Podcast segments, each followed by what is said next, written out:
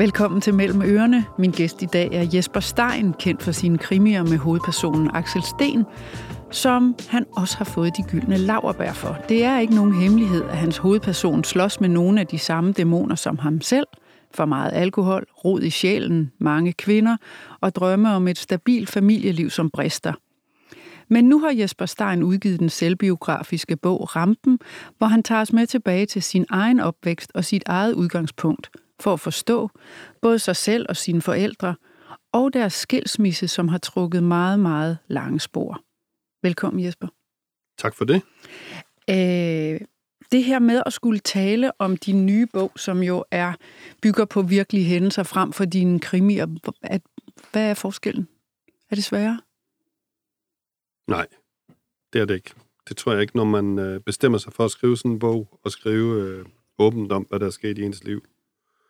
Så, øh, og, og hele den proces, det er altså at skrive den og redigere den, og så, når jeg, altså, så er jeg også nået frem til et eller andet punkt, da den kom ud, hvor jeg troede måske et halvt år før den kom ud, at jeg kunne ikke tale om den scene, jeg kunne ikke tale om den scene, der var alt muligt, jeg ikke havde lyst til at tale om.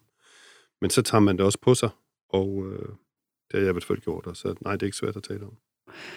Vi mødtes jo, du og jeg, sidste gang for knap to år siden. ja. Og det var for at tale om dine krimier, men, men dengang der fortalte du også, at du var midt i en søgende og undersøgende periode af dit liv. Det var faktisk øh, min mellem ørerne bare nummer to. Ja. Og nu er vi langt op i 60'erne, så det ja. er lang tid siden. Ja. Øh, og der var du ude i nogle overvejelser, om du overhovedet skulle skrive den her bog, og du vidste ikke helt, hvad det ville ende med. Det var i marts 2019, og der sagde du sådan her.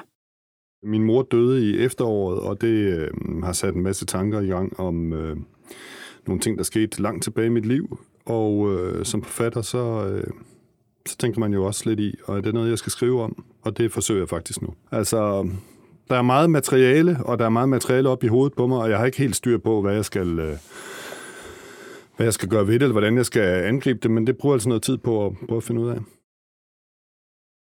Hvad afgjorde så, at du rent faktisk besluttede dig for at skrive den? Altså, øhm, mere arbejde, mere research, øh, altså at jeg nærmede mig, øh, altså jeg skrev mere, jeg, jeg, jeg blev ved øh, med at bore mig ned i min fortid og, øh, og prøve at skrive den frem, altså det er måske det, jeg skal sige. Og, øh, Forstået hvordan? Ja, altså den er jo blevet til på den måde, at, altså, at altså, der er jo lange kapitler med, med mange replikker og så videre, som jeg jo ikke har kunne huske eksakt, og som jo ikke findes nedtegnet et eller andet sted. Og hvordan finder man så dem? Hvordan skaber man så dem? Jamen, så er den jo blevet til på den måde, at jeg har altså læst dagbøger og breve og øh, set på fotografier og besøgt og haft meget øh, intens kontakt med de mennesker, som optræder i bogen, altså som jeg havde kontakt med for 35 og 37 år siden og samtalt med dem om, hvad skete der egentlig, og hvad, hvad skete der der, og hvad skete der der. Og så sker der altså på en eller anden måde det, at så bliver man efterhånden udstyret med så meget materiale, som man er i stand til at genskabe virkeligheden. Ikke præcis som den har været, men hvis vi sad der ved middagsbordet, min mor og far og jeg, og spiste kødrand, som man gjorde dengang, og talte om, at der var den her elev, som var fascineret af min far. Hvordan havde samtalen så... Øh, Mm. Altså, hvordan, hvordan havde den udspundet sig? Ikke? Øh, og det, øh, det er, hvad man så pludselig faktisk i stand til at, øh, til at skabe.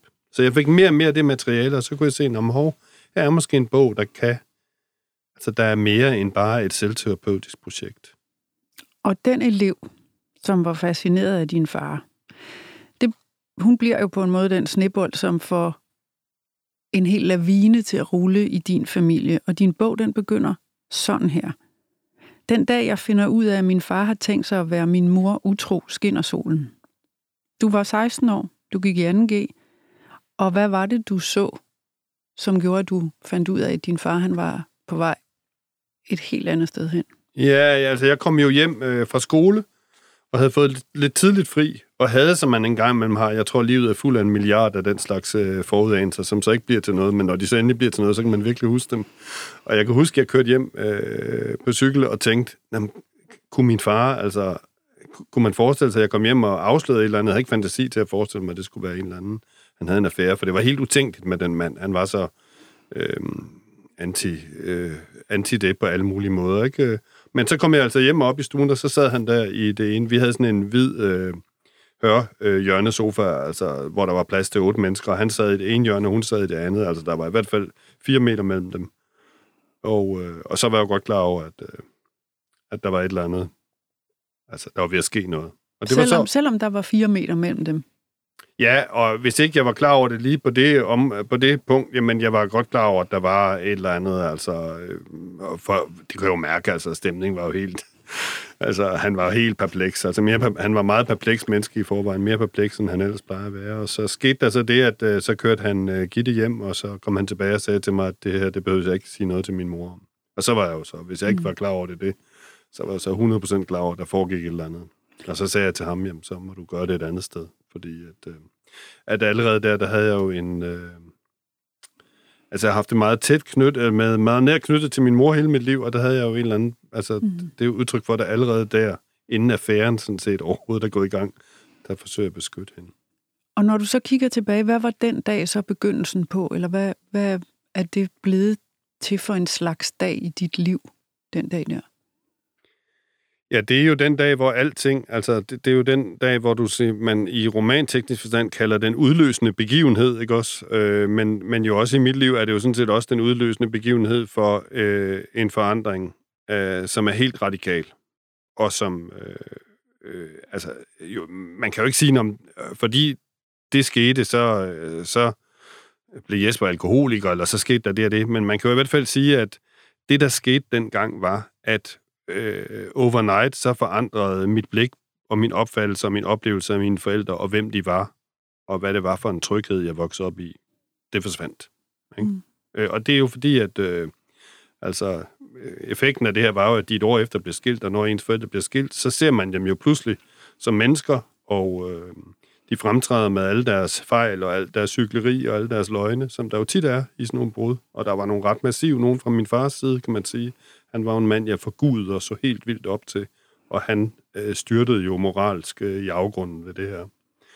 Øh, og derudover så var der så jo et efterspil, som bogen handler om til skilsmissen. Ja, og måske skal vi snakke om det, fordi, eller det skal vi, fordi øh, de blev skilt, og din storebror flyttede hjemmefra, og så boede du faktisk alene med din mor i nogle år. Øh, og det er jo sådan, hvad kan man sige, hovedvægten af bogen er lagt på, på de år der. Hvordan vil du beskrive den periode, hvor du og din mor boede alene i huset? Den vil beskrive som meget klaustrofobisk og meget øh, usund for en øh, 16-17-årig øh, umoden teenager, som bliver tvunget til at øh, blive den voksne i en relation, hvor han stadigvæk er barnet, i sin relation til en mor, som er i opløsning, som er ulykkelig, som er bitter og vred og såret, og som ikke... Øh, altså, og det kører 24 timer i døgnet for hende, ikke? Altså, som, en ulykke, hun ikke kan komme ud af.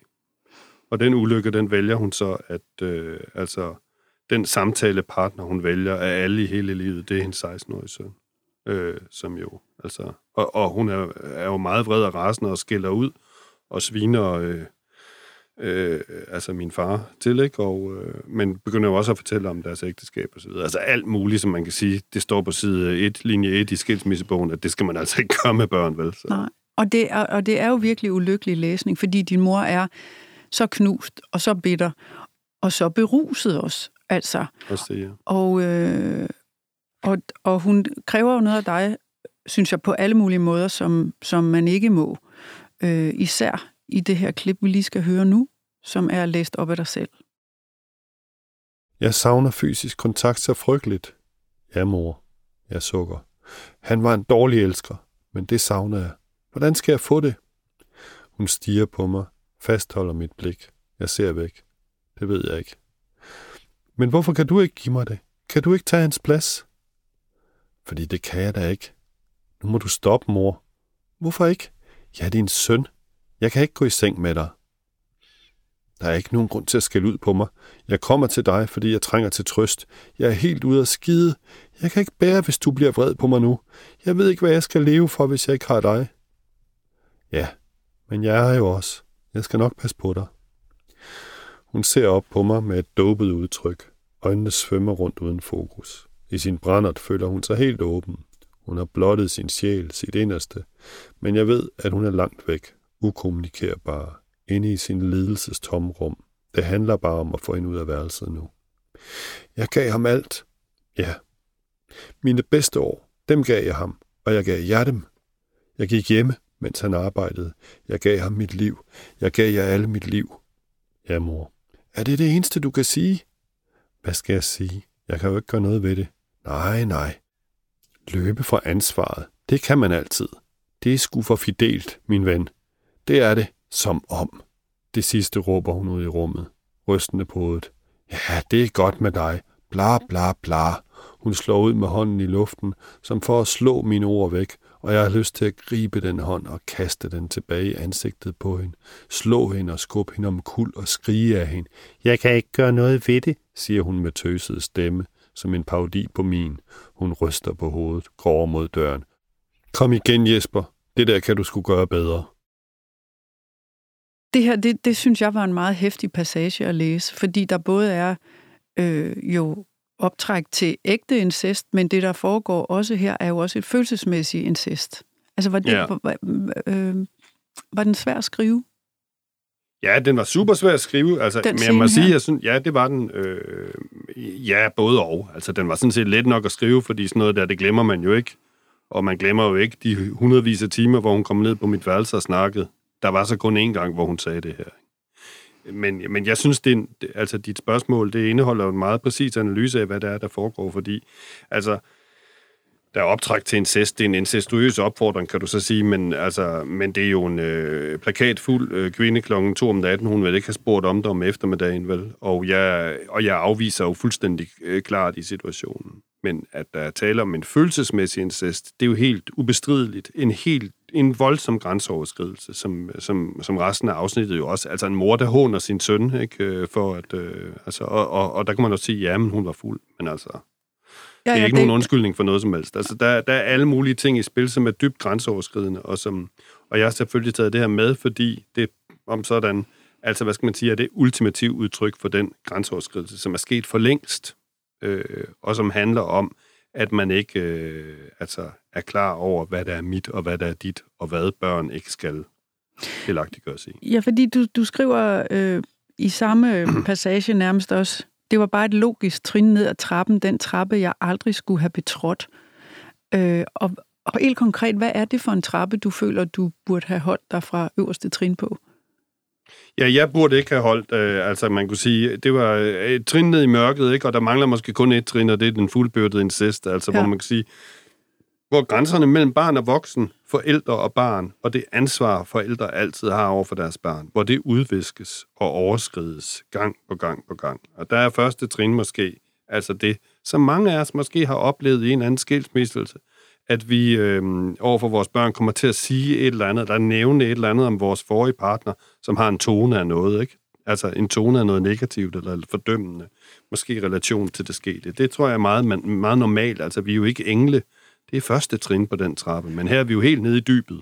Ja, og det er kun fordi, jeg oplever, eller jeg læser det jo, som du siger, den trappe, jeg aldrig skulle have betrådt, men det var jo ikke dit ansvar. Så det er fordi, hvad, hvad betyder det, at det var en trappe, du aldrig skulle have betrådt?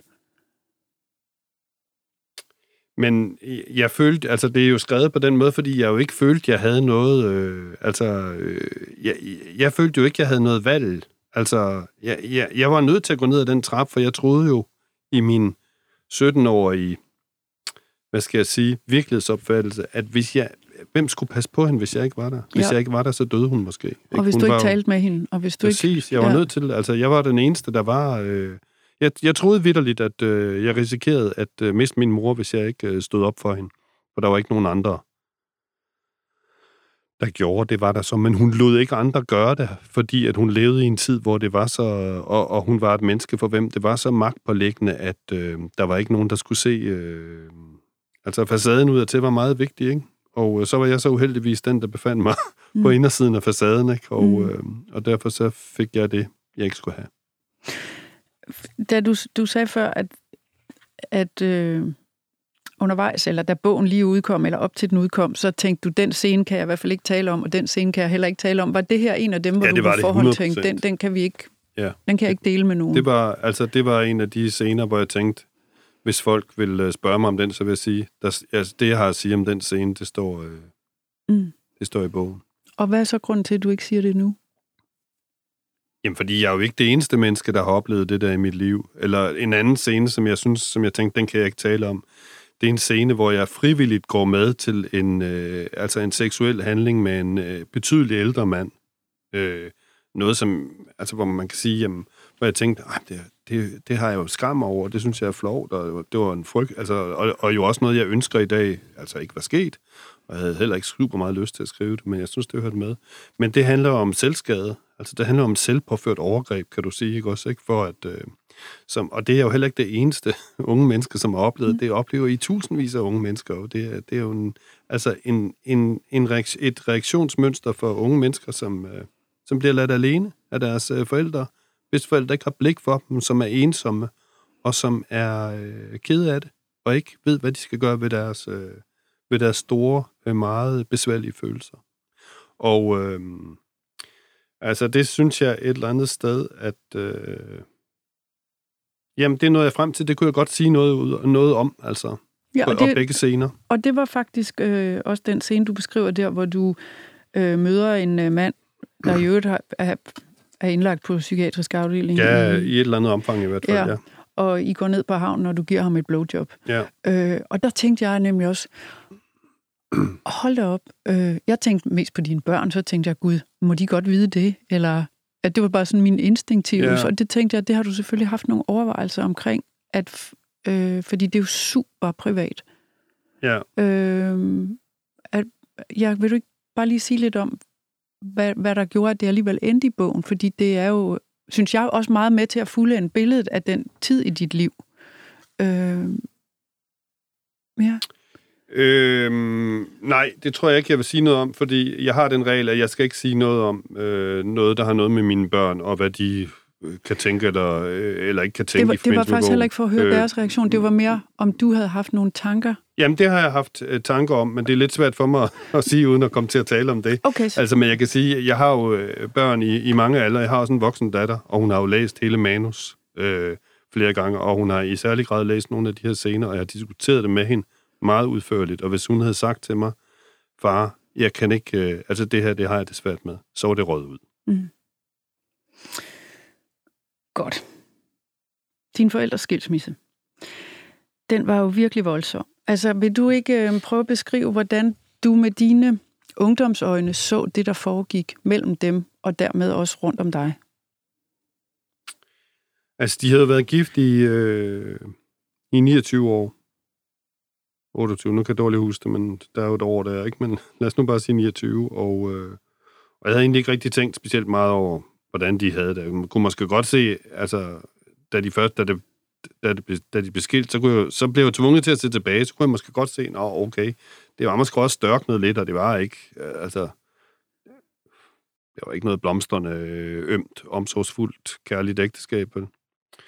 Øh, men selv der er jeg jo i tvivl om, hvad det er, jeg kan huske, og hvad det er, mine forældre har fortalt mig, fordi det har jeg jo så fået at vide, at det i hvert fald ikke var, kan du sige. Ikke?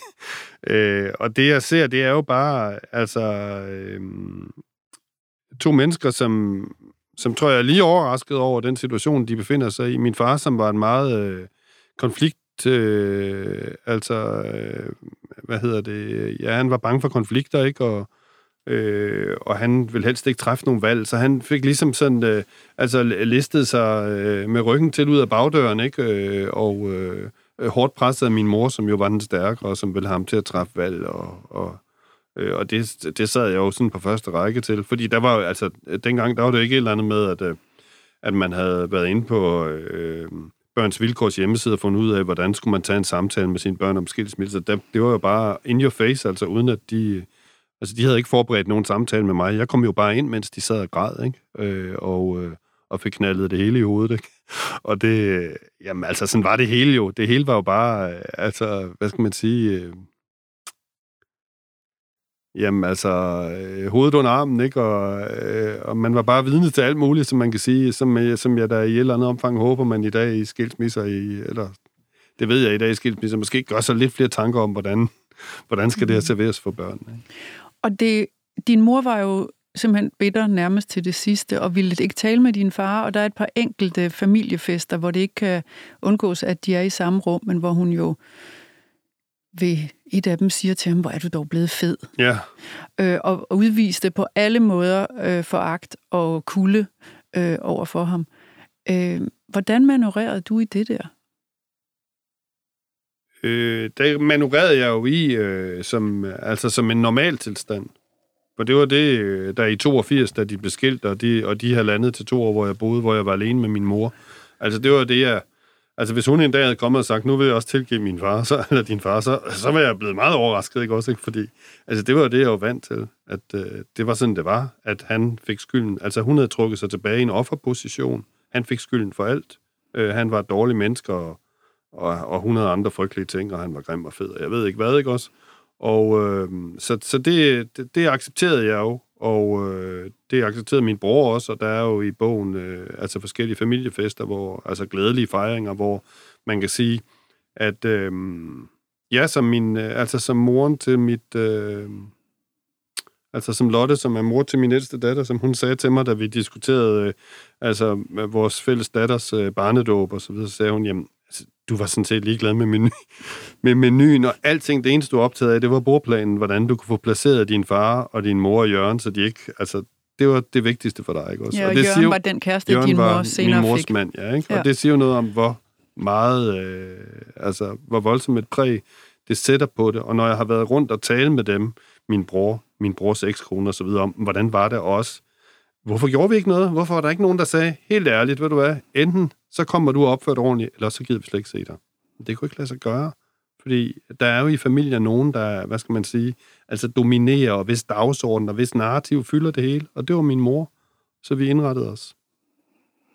Og det her med øhm, at kigge tilbage øh, på dem og få et blik på dem, øh, dels med dine voksne øjne, men også via, at du ved, øh, du fandt en hel masse kærlighedsbreve fra din far til din mor, øh, de havde skrevet på et tidspunkt, hvor hun var i USA. Altså det her med at tale med andre, der var voksne dengang, om hvad der egentlig foregik.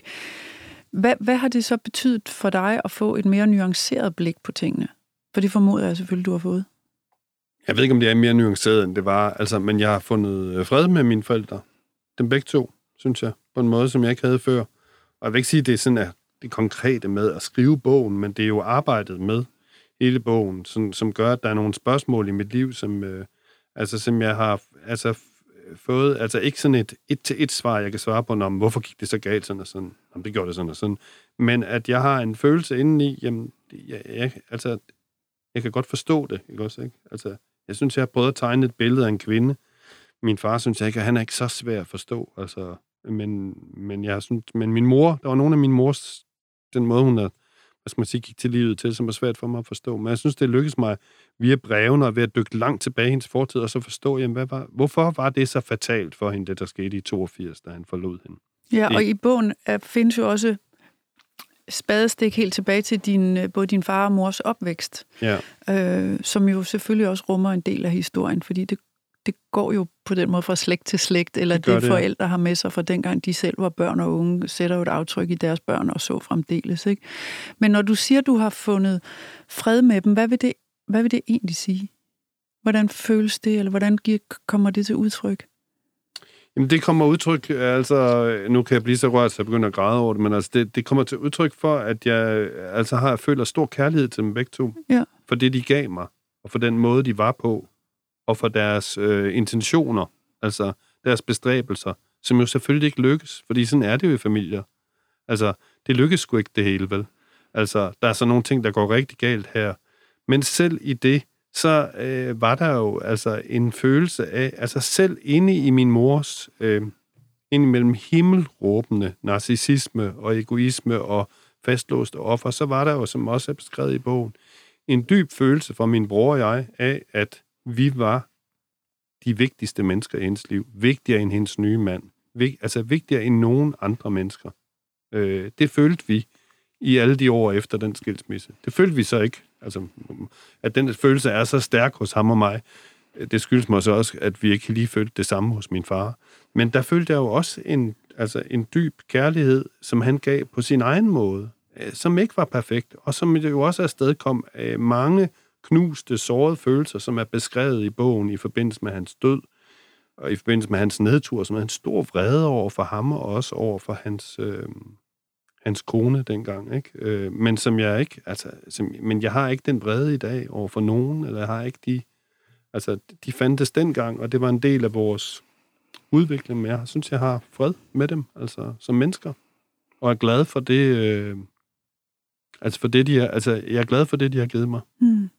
Jeg øh, var meget påvirket, øh, da jeg læste slutningen af bogen, hvor, hvor din mor bliver begravet.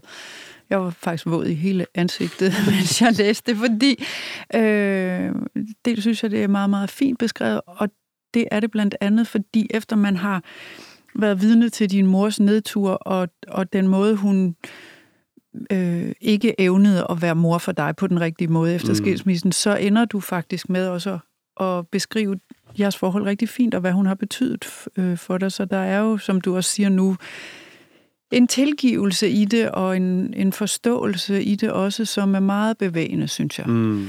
Øhm, og jeg øh, tænker også, nu har du skrevet bogen, fordi som du siger, det var mere end bare et selvterapeutisk projekt. Øh, og det er en historie, synes jeg, som rammer også mig, selvom jeg ikke øh, har nogen af de erfaringer, som, som du øh, har fået dig i dit liv. Men hvis vi nu snakker om den selvterapeutiske del i det trods alt, eller det, mm. der overhovedet gør, at du har sat pen til papir, mm. øh, hvad var det så, du ville finde ud af om dig selv? For det er jo også en del af det her.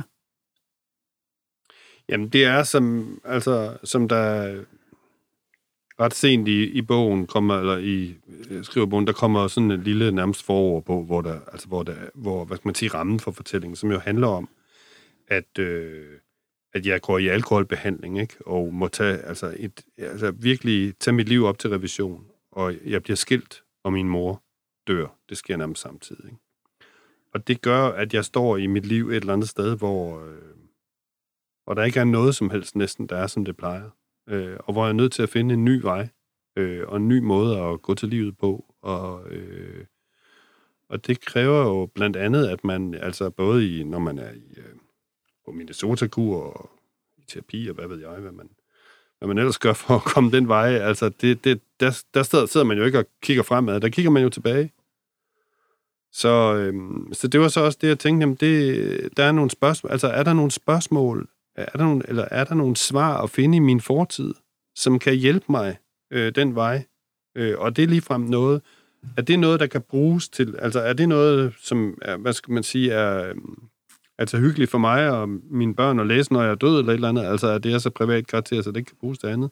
Eller er det noget, som andre mennesker måske... Altså, kan, kan, kan jeg skabe en litterær kvalitet i det, og er det noget, som rækker ud efter andre mennesker? Det kunne jeg ikke vide på det tidspunkt. Og nogenlunde på det tidspunkt var jeg jo inde hos dig øh, og tale med dig, og det kan du sikkert... Altså, det kan, synes jeg da godt, vi kan løfte for at sige. Du kan sikkert også godt huske forspillet til det. Det var jo, at vi havde en øh, research-samtale, hvor jeg ligesom bare altså hvor det er fosset ud af mig, øh, og jeg vil tale om alt.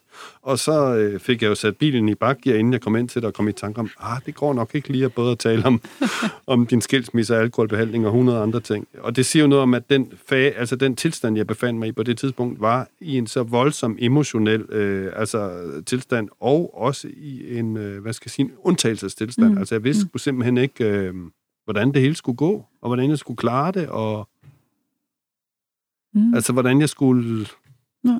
blive en, altså vedblive med at blive den far og den person for mine venner, og måske for en fremtidig kæreste og alt muligt andet, som jeg gerne vil være. Øh, og hvordan jeg kunne komme til at opføre mig ordentligt, uden at, uden at fuck det hele op igen, fordi det har jeg virkelig altså, gjort nogle gange. Ikke? Så, øh, så, så den tilstand der, den, den, den, altså, den kaldte på, at jeg... Øh, at jeg forsøgte at undersøge også, mm. altså via mit arbejde, hvad, hvad er der at finde her? Og det, det forsøgte jeg så på. Og, øhm, og hvad, hvad fandt du så ud af? Det er et stort spørgsmål, det ved jeg godt. Ja. men, men vi har masser af tid. Ja, altså... Øhm, altså fandt jeg jo nogle mønstre, ikke også, som var meget tydelige for mig, og som jo... Øhm, altså... Øh, føler jeg, øh, altså, bliver grundlagt øh, den der gang, altså hvor den her roman starter, men sikkert er i spil allerede, det skal jeg ikke komme med nogen sådan koncis psykoanalytisk øh, øh, facit på, men altså, og det mønster, der er, det handler jo om, hvordan man takler, øh, takler det, når livet går ondt. Og det er der et klart bud i den roman på, hvordan min far gør, og hvordan min mor gør. Og jeg synes også, der er sådan et rimelig klart bud på, altså man får en fornemmelse af, at det er jo ikke hele historien, for den er for svær for mig at skrive nu, men et klart bud på, hvad det, altså hvordan det ender ned hos Jesper. Det ender jo i alkoholisme for ham. Altså ikke fordi mine forældre er sådan, men det er jo den måde. Altså, når livet går ondt, så, øh, så løber jeg min vej. Ikke? Øh, og, øh, Ligesom og, dine forældre faktisk også gør på hver deres måde. På hver deres måde, og egentlig ikke nødvendigvis på samme måde, som jeg gør, men, men, men altså, som de gør, ikke? Altså, min mor ved at omskrive historien, så den kun, altså, du ved, så det er kun hendes version af historien, og der er ikke noget andet. Og min far ved ligesom at luske ud, ikke? Og, og, og, og, og være, være undvigende og ved, ved, som han jo var på mange måder. Ikke? Plus, at de begge to jo ender i et alkoholmisbrug. Det gør de også, ja. Ja. De, de bliver selv indhentet af, altså, og, og, og det er jo ikke, øh, altså, det er ikke for at sige, at sådan er livet bare, men altså, jeg tror, livet er sådan, at øh, altså, man slipper ikke afsted med noget, vel? Altså, der er ikke noget, øh, altså, der er ikke nogen sønder, og nu taler jeg ikke bare om sådan nogle bibelske sønder, men også sønder i forhold til dig selv og din personlighed, som er gratis. Det har en eller anden omkostning, og den kommer du til at betale en dag, og hvis du ikke selv gør det, så gør dine børn i hvert fald. Og det kan du sige, det gør begge mine forældre jo, altså min mor meget dyrt i 82, fordi hun er jo dybest set, altså det er jo en historie om en, der er ude af stand til at cope med et meget stort tilværelseslag. Det er et stort tilværelseslag for en kvinde på 53 at blive valgt fra til fordel for en kvinde på 20, når man føler, at man har skabt den mand, som hun jo føler, hun har skabt, ikke? Og som hun jo også til en vis grad har. Det var jo hende, der havde the ball, som jeg så må sige, ikke? Så selvfølgelig er det et kæmpestort tilværelseslag. Men vi skal jo komme over alle tilværelseslag, ikke? Og vi skal komme videre, ikke også? Ikke? Vi skal tage noget med, som vi kan bruge til noget, og det, øh, det er jo ude af stand til. Og det, der, det er jo altså, det er virkelig et stort problem, ikke? Altså. Giver det mening, at det er nu, hvad er du, 56? Du skrev... Lige om lidt er jeg 56. Ja, så du gik ligesom i gang med den her, da du var 54 cirka. Ja. Øh, og du skriver på et tidspunkt, at den scene, vi hørte før, hvor din mor ligesom kommer ned smadret fuld om natten på dit ja. værelse og synes, at du skal øh, agere ægte mand øh, ja. øh, over for hende. Øh, der, skriver du også, jeg har fortalt den her til masser af mennesker, til terapeuter, til kærester, til øh, ja. øh, undervejs. Men er der en grund til, at det først er nu her i livet, at du for alvor kigger på det og undersøger det rigtigt og skriver den her bog? Ja, det er der. Og det er jo den udvikling, jeg har været igennem de sidste to og et halvt år. Det har jeg simpelthen ikke haft mod til. Altså, og jeg har vel øh, løbe min vej. Jeg har åbnet en flaske rødvin, når det gjorde ondt. Ikke? Altså, øh, det har været min modus. Øh, jeg har ikke, det har jeg ikke haft mod til. Det har jeg så fået. Og det kræver det jo, altså, hvis du... Altså, vi, vi lever jo i en tid, hvor vi snakker utrolig meget om, at øh, vi skal skifte kurs, og man skal være omstillingsparat, og man skal, jeg ved ikke hvad, ikke? og at øh, man skal kunne... Øh, og at, og at øh, og, og, og noget af det mest øh, interessante, øh, altså sådan øh, livsstilsmæssigt, det er folk, der så ændrer kurs. Men at ændre kurs, altså det er ikke noget, nogen mennesker gør frivilligt. Det er noget, man gør, når man er udsat for virkelig hårdt pres. Ikke? Øh, når man risikerer at skulle miste noget af det, der står en mest øh, dyrebart i livet, så tror jeg, man kan blive tvunget til at ændre kurs. Ikke? Øh, og, det, øh, og det bliver jeg så tvunget til. Og det er jeg jo lykkelig for i dag, men, men altså, hvis du skal gøre det, så kræver det også, at du har mod til at se på dit liv. Altså, øh, hvad skal jeg sige? Øh, og se på det uden det er set gennem alkoholens dejlige filter. Altså, i virkeligheden, intet af det her, bogen var ikke blevet til noget. Intet af det her havde kunne lade sig gøre, hvis jeg drak, vel? Mm. Jeg havde ikke fået noget blik, nyt blik på mine forældre. Jeg havde ikke kunne skrive den bog. Det havde været helt utænkeligt. Fuldstændig out. Ikke? Mm. Så det er jeg ikke i tvivl om. Men det kræver jo, at man øh, altså uforfærdet tør se på sit liv og på, hvad der er sket, og lægge det frem. Og den scene der, som, som jeg også skriver, den har jeg jo øh, diverteret og underholdt med i, øh, altså når, der er når vi har haft middagsselskaber eller et eller andet, eller med kærester eller noget, og vi har fået noget rødvin, ikke? og, og så tilpas meget rødvin, så, så, det ikke, så man ikke brænder sig, når man rører ved den, den slags historie, så man ligesom kan tale lidt om dem, ikke? Men, og der har jeg jo oplevet for eksempel med en kæreste, jeg boede sammen med, at jeg på et eller andet tidspunkt fortalte hende den her historie. Og så tog hun den op næste dag, og så sagde hun til mig, øh, Jesper, skal vi ikke lige tale om det, du fortalte i går? Fordi det er jo et overgreb. Nej, nej, nej, nej, det, nej, det synes jeg ikke. Der skete jo ikke noget, og så videre, ikke? Øh, og så skulle jeg videre, ikke også, ikke? Altså, mere skulle jeg ikke ned i det. Og, øh, og det er jo et overgreb, altså. Det er jo et verbalt overgreb af, af ganske betydelig karakter. Og det... Øh, og, og, og der tror jeg et eller andet sted, jamen, at hvis du skal, øh, altså, hvis du skal leve med også i, at kunne sige, jamen, den kvinde, der gjorde det, det var min mor, som jeg elskede højt, og som jeg sådan set også elsker på mange måder i dag, så er du nødt til at se på det og mm. tage det på dig.